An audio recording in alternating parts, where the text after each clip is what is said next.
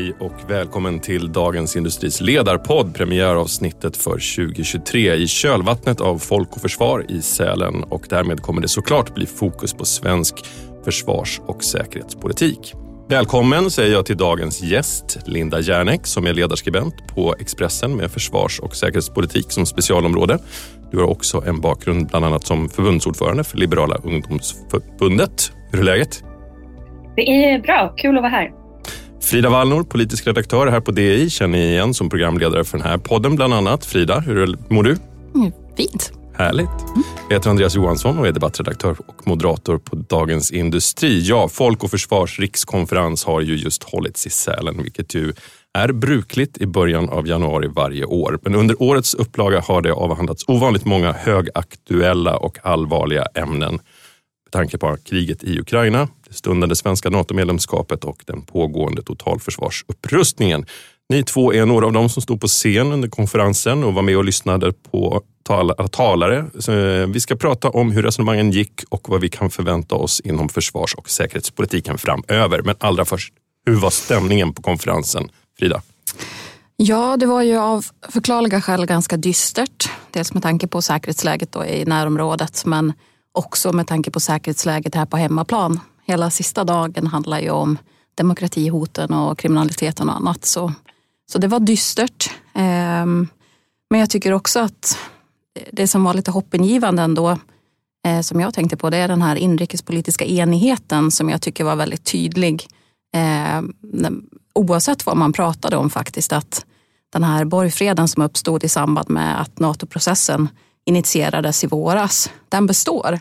Alltså det är, några socialdemokrater här och där försöker ju liksom förstärka de här skiljelinjerna som är mellan partierna i vissa frågor. Men som jag ser det så handlar det bara om detaljer. Alltså på det stora hela så finns det stor samsyn när det gäller Sveriges försvars och säkerhetspolitik. De viktigaste frågorna och det tycker jag är en styrka. Håller du med om det Linda? Ja, vad gäller NATO-processen tycker jag verkligen att det var en styrka. Eh, att både det var både Ulf Kristersson och Magdalena Andersson som gemensamt tog emot Jens Stoltenberg till exempel. Det är en viktig signal. Eh, de var i sina anföranden eh, liksom generösa mot varandra och verkligen underströk att det här är hela Sverige som går med i NATO. Eh, däremot tyckte jag nästan att det blev lite konstigt att den borgfreden smittade av sig i alla andra diskussioner nästan eh, inte ens Vänsterpartiet och Miljöpartiet lät särskilt oppositionella och det eh, jag tror egentligen att politikområden mår bra av att det finns en diskussion, att det inte blir att man eh, nästan grupptänker som blir risken om alla är helt eniga. Eh, så att jag tycker att det finns fortfarande i försvarspolitiken frågor där alla inte håller med varandra och inte borde hålla med varandra med tanke på vilka olika ideologiska utgångspunkter man har. Och det tycker jag fortfarande är okej att man diskuterar. Just vad gäller NATO-medlemskapet är det ju en lite annan situation med tanke på att vi är i den här väldigt känsliga processen just nu eh, där vi fortfarande väntar på att släppas in eh, och få ratificerat från två länder till eh, som alla vet vilka de är. Eh, så att i, i den frågan tycker jag att det är väldigt, väldigt bra att man höll borgfreden. Men jag tycker faktiskt att man hade kunnat unna sig att vara lite oeniga i andra frågor. Om 2 procent, eh, är det tillräckligt eller ska vi högre upp och hur snabbt ska det gå och sånt. Där finns det ju politiska skiljelinjer och de tycker jag man kan lyfta fram. Vi ska prata mer om både 2 mål och eh, de frågorna alldeles strax. Men om vi går tillbaks bara till Natos generalsekreterare Jens Stoltenberg som gästade konferensen som du nämnde och som togs emot av både Kristersson och Andersson. Hur, hur tolkade ni hans framträdande? Frida? Ja, alltså han sa ju inte särskilt mycket nytt tycker jag. Eh, det hade man ju kanske som journalist eh, hoppats på. Men att han var väldigt, alltså han var ju väldigt diplomatisk såklart. Och det har ju sannolikt att göra med hur känslig den här situationen med Turkiet är. Ehm, så tolkar jag det i alla fall. Det han sa som, som kanske var tydligare än det han sagt tidigare var att om Sverige och Finland under den här perioden när vi fortfarande står på tröskeln till NATO skulle utsättas för några hot så var det otänkbart att NATO inte skulle eh, komma till undsättning. Så det var väl det reagerar jag i alla fall på som var någonting som, som stack ut mot vad, hur det har låtit tidigare. Men, men överlag så var det ganska slätstruket måste jag säga. Linda, vad säger du? Var det något du reagerade på? Men jag, jag tyckte väl så här att han hade egentligen tre budskap som var de viktigaste. Eh, där det ett, ett var att 2% är ett golv, inte ett mål. Eh, ett annat budskap som han hade var att Europa försvarar sig i Ukraina och det är med, även om alla eh, krig i slutändan löses vid förhandlingsbordet, Eh, så är, avgörs vad man kommer fram till i förhandlingarna av situationen på marken. Och den som har styrkan där kommer att ha en bättre förhandlingsposition. Och därför är det bästa vi kan göra att stödja Ukraina så mycket vi kan. Eh, och det tycker jag var ett väldigt bra och tydligt budskap eh, som jag tror också är viktigt att man hör i Sverige och påminner sig om att det är vår, vår frihet försvaras också just nu i Ukraina. Eh, och sen så var det ju eh, också en tydlig signal om att Sverige och Finland är redo. Eh, de har gjort sin del eh, och bör släppas in så snabbt som möjligt, sa han ju. Så det var ju en, en signal gentemot till exempel Turkiet eh, som jag tyckte var mm. viktig. Det blir intressant att se om det kommer att blandas in, alltså, jag tänker framförallt på USA och andra länder framöver, om det här verkligen drar ut på tiden ännu mer. Eh, om det kommer börja röra sig på andra sätt här. Vi har ju tidigare pratat om att det kanske handlar om att Turkiet är ute efter att till exempel få köpa amerikanska stridsflyg. Att det är det som är en av baktankarna med den här utpressningssituationen som man ändå måste kalla det pågår. Men, men nu har vi det här valet i Turkiet. Nu ser det ut som det kan bli framflyttat till maj, vilket ju skulle kunna vara positivt för NATO-processen. Det är väldigt svårt att säga, men, men eh, ja, vi tar alla halmstrån vi kan få, känns det som just nu. Men när det gäller det svenska NATO-medlemskapet, hur, hur nära är vi? Där sa ju eh, NATOs Supreme Allied Commander som var i Sälen, han sa att Sverige i NATO is a perfect fit. Eh, och det kommer gå easy. Eh, så det hoppas man ju på. Eh, och det menar han väl med att väldigt mycket av vår materiel och sådär är ju redan NATO-standard. Vi har övat med NATO under många, många år. Vi har varit tillsammans med NATO i aktiva insatser och sådär. Så att på det sättet är ju Sverige nära. Men sen märkte man ju både när ÖB talade och när eh, Mikael Claesson från Högkvarteret talade så att det som är svårare kanske är inte att materielen ska anpassas utan det är det mentala. Eh, båda de lyfter fram att nu är det en mental utmaning, en kulturell utmaning för Försvarsmakten att gå från att vi försvarar oss själva eh, och hoppas på hjälp utifrån till att vi är NATO. Vi ska inte bara få stöd av NATO, vi är NATO. Vi står upp för NATOs värderingar. Vi använder NATOs avskräckningsdoktrin. Eh, det här är någon, en utmaning eh, som uppenbarligen kanske kommer att vara en viss tillvänjelseprocess eh, både i mm. Försvarsmakten och i politiken tror jag också.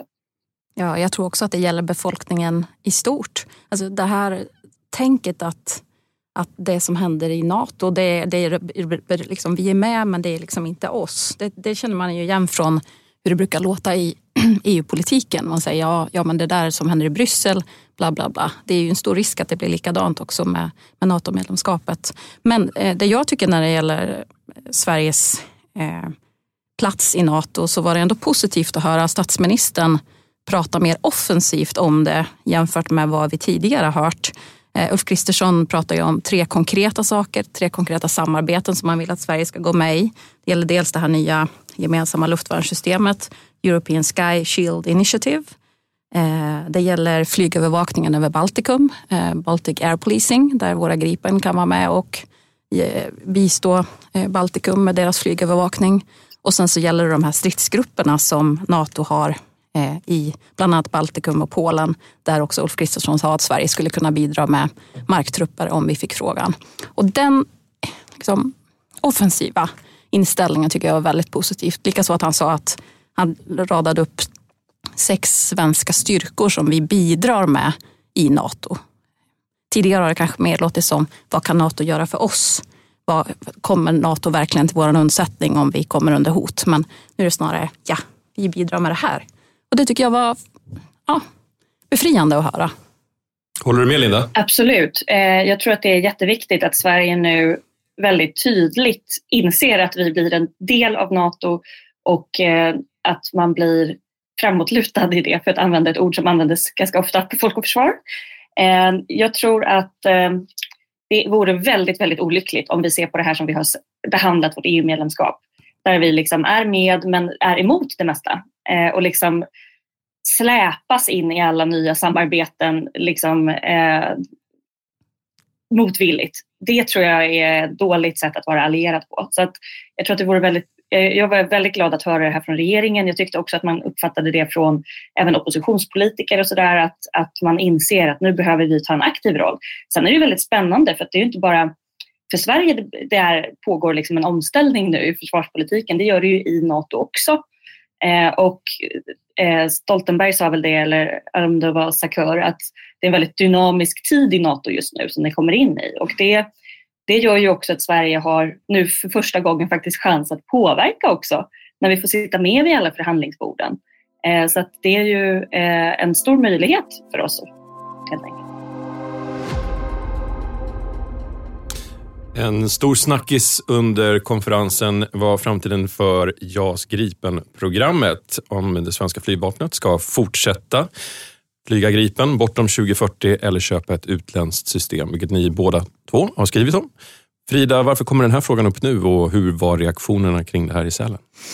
Ja, alltså anledningen till att jag skrev om det, det beror ju på att eh, i och med att Sverige inte längre kommer att vara alliansfritt framöver, förhoppningsvis nu snart, Eh, så försvinner ju ett av de starkaste argumenten till att vi har Gripen i Sverige. För att det, hela programmet med att vi skulle ha ett eget stridsflyg det, det sträcker sig tillbaka till 30-talet när det var, var, en, en tanke om att Sverige måste vara självförsörjande på försvarsmateriel eh, som hade att göra med den svenska alliansfriheten.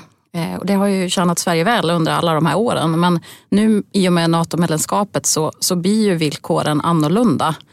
Eh, så att det, på så sätt är det värt att, att ändå tänka den här tanken att är det värt att fortsätta med den här verksamheten? Men det är ju absolut inte bara jag och Linda som tänker den här tanken utan ÖB tog ju faktiskt också upp frågan här i det här underlaget som presenterades i höstas i ÖBs råd till regeringen när det gäller den långsiktiga förmågeutvecklingen. Och där så presenterar han tre förslag eh, om vilket stridsflygsystem som Sverige ska använda bortom 2040 Eh, alternativ ett är att fortsätta som idag. Eh, alternativ två är att utveckla ihop med andra. Eh, alternativ tre är att köpa helt utifrån. Exempelvis då amerikanska F35 som de flesta av våra grannländer har gjort. Ehm, så att frågan är ju inte helt tagen ur luften men jag måste säga att på Folk och Försvar här i Sälen så var det ja. Hej, Ulf Kristersson här. På många sätt är det en mörk tid vi lever i. Men nu tar vi ett stort steg för att göra Sverige till en tryggare och säkrare plats. Sverige är nu medlem i Nato. En för alla, alla för en. Vi är specialister på det vi gör, precis som du. Därför försäkrar vi på Swedea bara småföretag, som ditt. För oss är små företag alltid större än stora och vår företagsförsäkring anpassar sig helt efter firmans förutsättningar. Gå in på swedea.se företag och jämför själv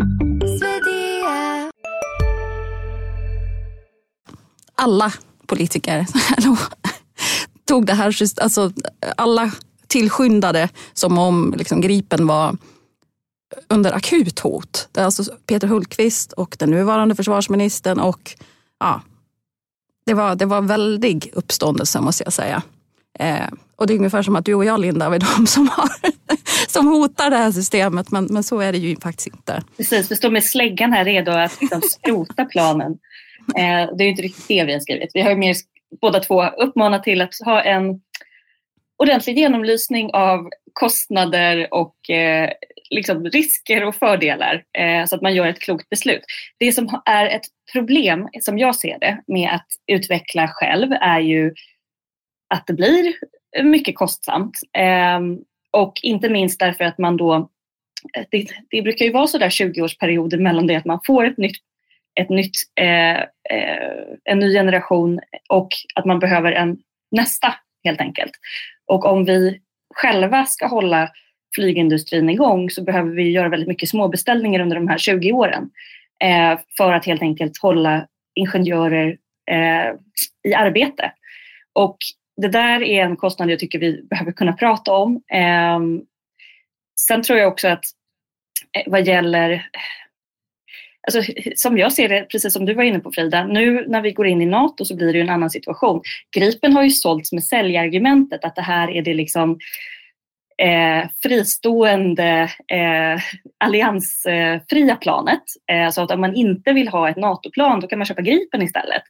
Eh, nu blir ju, ska ju Gripen istället vara ett NATO-plan och där finns det ju liksom lite fler eh, i den marknaden redan. Så att, eh, ja, jag, jag, ser att det kan finnas eh, goda anledningar att, att fundera på vad vi ska göra. Men det jag också blir är lite orolig för, och det sa just ÖB här på scenen i Sälen, att låt oss inte rusa in i ett beslut eh, om vilka flygplan vi ska ha mellan liksom, 2040 och 2060. Eh, och det är ju också den andra delen av det här, att när det är vår inhemska industri och framförallt när det är helt egna projekt så eh, blir att Sverige behöver ta beslut mycket tidigare än vad våra grannländer gör som köper in från annat håll. Eh, och då med tanke på liksom, teknikutveckling och sådär så nu när vi också ska in i NATO så är det möjligt att kravspecifikationer och sånt där kommer att förändras. Jag, jag tror att det är klokt att inte ta beslut för tidigt helt enkelt. Eh, mm. Och det, det var jag glad att höra att ÖB sa på, på scenen. Och jag håller helt med om det också med tanke på att vi, alltså som situationen ser ut idag när det gäller potentiella partners att utveckla framtidens stridsflyg tillsammans med så, så är det inte helt solklart vad som, om det finns alternativ som skulle vara bra för, för Sverige att samarbeta med. Vi samarbetar med Brasilien som det är idag eh, när det gäller utvecklingen av Gripen E och F. Eh, men det som också har nämnts är de här eh, samarbetena som finns i Europa nu med dels ett som leds av Storbritannien tillsammans med Japan och Italien och ett annat som är mellan eh, Frankrike, Tyskland och Spanien. De är ju ganska nya de här och det är svårt att se vad de kommer att resultera i. Eh, om det överhuvudtaget skulle passa Sverige.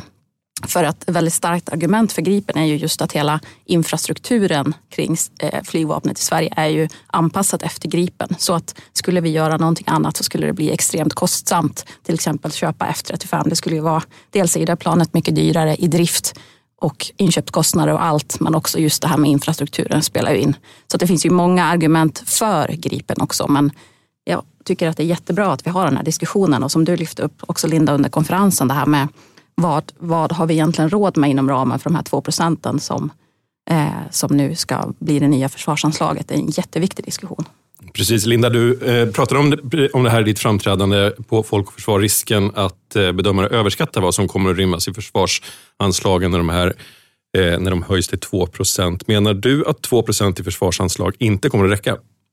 Det är ju vad ÖB har börjat säga nu. Eh, och, eh, jag misstänker ju att det kan vara rätt. Dels är det ju så att vi har under lång tid haft underfinansierade försvarsbeslut och därmed finns det många hål som slantarna kan rinna ner i.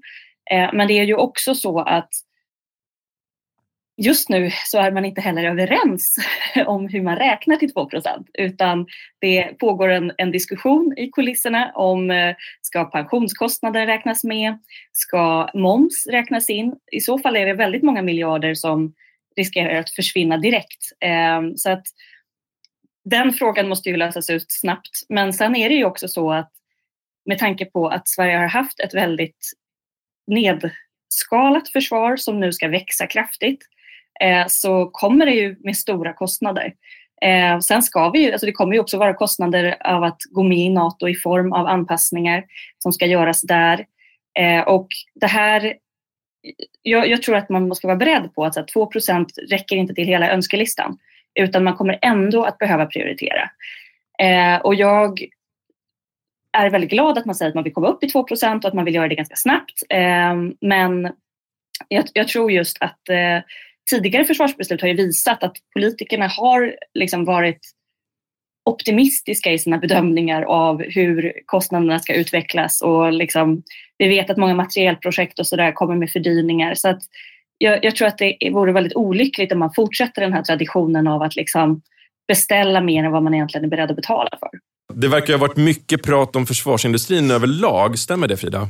Ja, absolut. Det var, ja, jag har aldrig varit med om att det har varit så glada dagar för, för försvarsindustrin. Eh, det var många pratade just om att eh, man måste se försvarsindustrin som en viktig del av svenska försvarsförmågan framöver. Och Ulf Kristersson sa ju bland annat att alla som jobbar på Saab och andra svenska försvarsföretag ska vara stolta. Eh, han den här eh, Sakör som är alltså befälhavare för de militära styrkorna i Europa för Nato sa att industrikapacitet är lika viktig för vår avskräckningsförmåga Eh, som truppernas beredskap. Så det var väldigt mycket liksom, positiva ordalag kring, kring försvarsindustrin. Men jag skulle säga att det fick väldigt stort utrymme. Näringslivet fick stort utrymme. Eh, och det tycker jag är också väldigt positivt att höra. Bland annat så Eh, pratade mycket, pratades mycket om ny teknik, om hur Nato satsar på liksom innovationer. Man har en ny innovationsfond som man lanserade i samband med toppmötet i våras som, som kallas för Diana, där man ska satsa liksom på framtidens nya tekniker och hur det kan implementeras i försvaret och så vidare. Men också det här om totalförsvarsuppbyggnaden i Sverige. Marcus Wallenberg stod på scen bland annat och pratade om att svenska företag är väldigt redo och villiga att, att eh, ta, sin, ta sitt ansvar för totalförsvaret men att det behövs liksom att svenska politiker behöver tydliggöra formerna för det. Eh, så, så inte bara försvarsföretagen skulle jag säga utan liksom näringslivet i stort kommer sannolikt att få en mycket större del i, i svenska försvaret framöver och det är väldigt positivt som jag ser det. Linda, Sverige är ju sedan årsskiftet ordförande för EUs ministerråd. Var det någon snackis i Sälen? Absolut, det var ju ett eh, stort avsnitt om det och sådär. Det gör ju att Sverige får en viktig roll nu eh, och det allra viktigaste uppdraget under det här EU-ordförandeskapet är väl egentligen för Sveriges del att se till att hålla ihop enigheten i EU vad gäller stöd till Ukraina. Där vet vi ju att det finns starka intressen, inte minst ekonomiska intressen för till exempel Tyskland, eh, som gör att det då och då kommer propåer om att försöka bidra till Eh, eh normaliserade relationer på olika sätt. Eh, och om man lyssnade på experterna i Sälen så var ju ett väldigt eh, tydligt och nedslående budskap att vi kommer inte ha några normala relationer till Ryssland under ja, den framtid vi kan se framför oss nu. Eh, vi pratar 20-30 år av eh, antagligen mycket frostiga relationer eh, och eh, en mycket aggressiv granne med det här eh, revanschistisk inställning till att återuppbygga sitt imperium eh, som, och att Putin inte är problemet utan Putin är en produkt av Ryssland, sa Gudrun Persson från FOI till exempel. Så att, att vara en röst som påminner om det i EU-sammanhang kommer nog vara en viktig roll för Sverige att spela nu. Mm. Men jag måste säga att eh, jag vet inte om jag ska kalla det för en snackis riktigt. Alltså när det gäller Sverige och EU så är det ju aldrig riktigt, ja, det det känns lite påtvingat måste jag säga, att man tycker att det här är viktigt. Eh, Tobias Billström, utrikesministern, sa ju att nu ska Sverige hädanefter tillhöra kärnan när det gäller EUs försvars och utrikespolitiska eh, politik. Men, men det tror jag på först när jag ser det. Men det, jag hoppas det, men, men eh, det, det skulle vara intressant att se. Okej, så vad kan vi då förvänta oss av svensk försvars och säkerhetspolitik under det kommande året, Frida? Ja, alltså det är självklart helt beroende på vad som kommer att hända i, i Ukraina framöver. Det, det får ju väldigt stora konsekvenser för, för svensk politik oavsett vilket område det handlar om. Eh, Turkiet kommer ju fortsatt också vara ett, stort fokus, man kanske mer då inom utrikespolitiken. Men, men, när det gäller försvaret så tror jag att dels kommer det handla mycket om hur vi kan stärka samarbetet i Norden. Det var ju någonting som diskuterades ganska flitigt här. Alla verkar tycka att nu har vi möjligheter att, att stärka samarbetet ytterligare. Inte bara med Finland utan också med de andra NATO-medlemmarna Norge och Danmark. Eh, och det är väl absolut positivt men jag tycker att man kanske kanske är man lite naiv när det gäller Danmark och Norge. Att man, man bara tar för givet att de här två länderna plötsligt är väldigt intresserade av att, att samarbeta och anpassa oss sig efter Finland och Sverige nu när vi äntligen då kommer till samma bord som dem. Men man kan ju hoppas på det, men, men vi får väl se hur det kommer att se ut framöver. Vad, vad tror du om det, Linda? Ja, alltså jag, jag vill ju gärna tro att Sverige blir medlem av, av Nato det här året eh, och att det därmed är den allt överskuggande processen och frågan i svensk försvarspolitik. Eh, för där handlar det ju om att vi ska hitta vår roll i samarbetet. Nu har statsministern börjat säga vad vi kan bidra med och på vilka sätt vi vill vara aktiva men eh, det kommer ju vara ett ännu större arbete naturligtvis. Eh, och börja redan nu under våren att se var jackar vi i, vad bidrar vi, Var är våra styrkor jämfört med våra, då, inte minst nordiska grannars styrkor. Eh, men eh, jag, jag tycker också det är roligt att det blir väldigt fokus på Norden direkt. Det är som att man hoppas att man ska bilda ett mini-NATO i Norden. Eh, och eh, det finns ju flera olika samarbetsformer för Norden redan och det är klart att de förändras nu när vi alla är en del av i Nordefco så att vi nu alla är med i NATO. Eh, men ehm, eh det, det, gäller väl att det är naturligtvis jätte, jättebra om vi kan samarbeta så att vi förstärker varandra och förstärker vårt gemensamma försvar av vårt gemensamma område. Men däremot så tror jag att det blir lite olyckligt om man skulle tänka sig att det här är liksom den nordiska klubben i sitt eget hörn i Nato, utan det är viktigt att vi visar att Sverige är fullt ut allierad. Vi är redo att försvara alla medlemsstater i Nato eh, och vi vill ha goda relationer till alla medlemsstater i Nato. Så det är väl den lilla varningen man kan skicka med i den här nya nordiska fäblessen. Och med den lilla varningen säger vi tack till eh, Linda Järnek och Frida Wallnor. Missa inte våra andra poddar som DI Morgonkoll, Digitalpodden, Makrorådet och Analyspodden. Bland annat ansvarig utgivare är Peter Fällman och DIs ledarpodd är tillbaka nästa vecka. Tack och hej.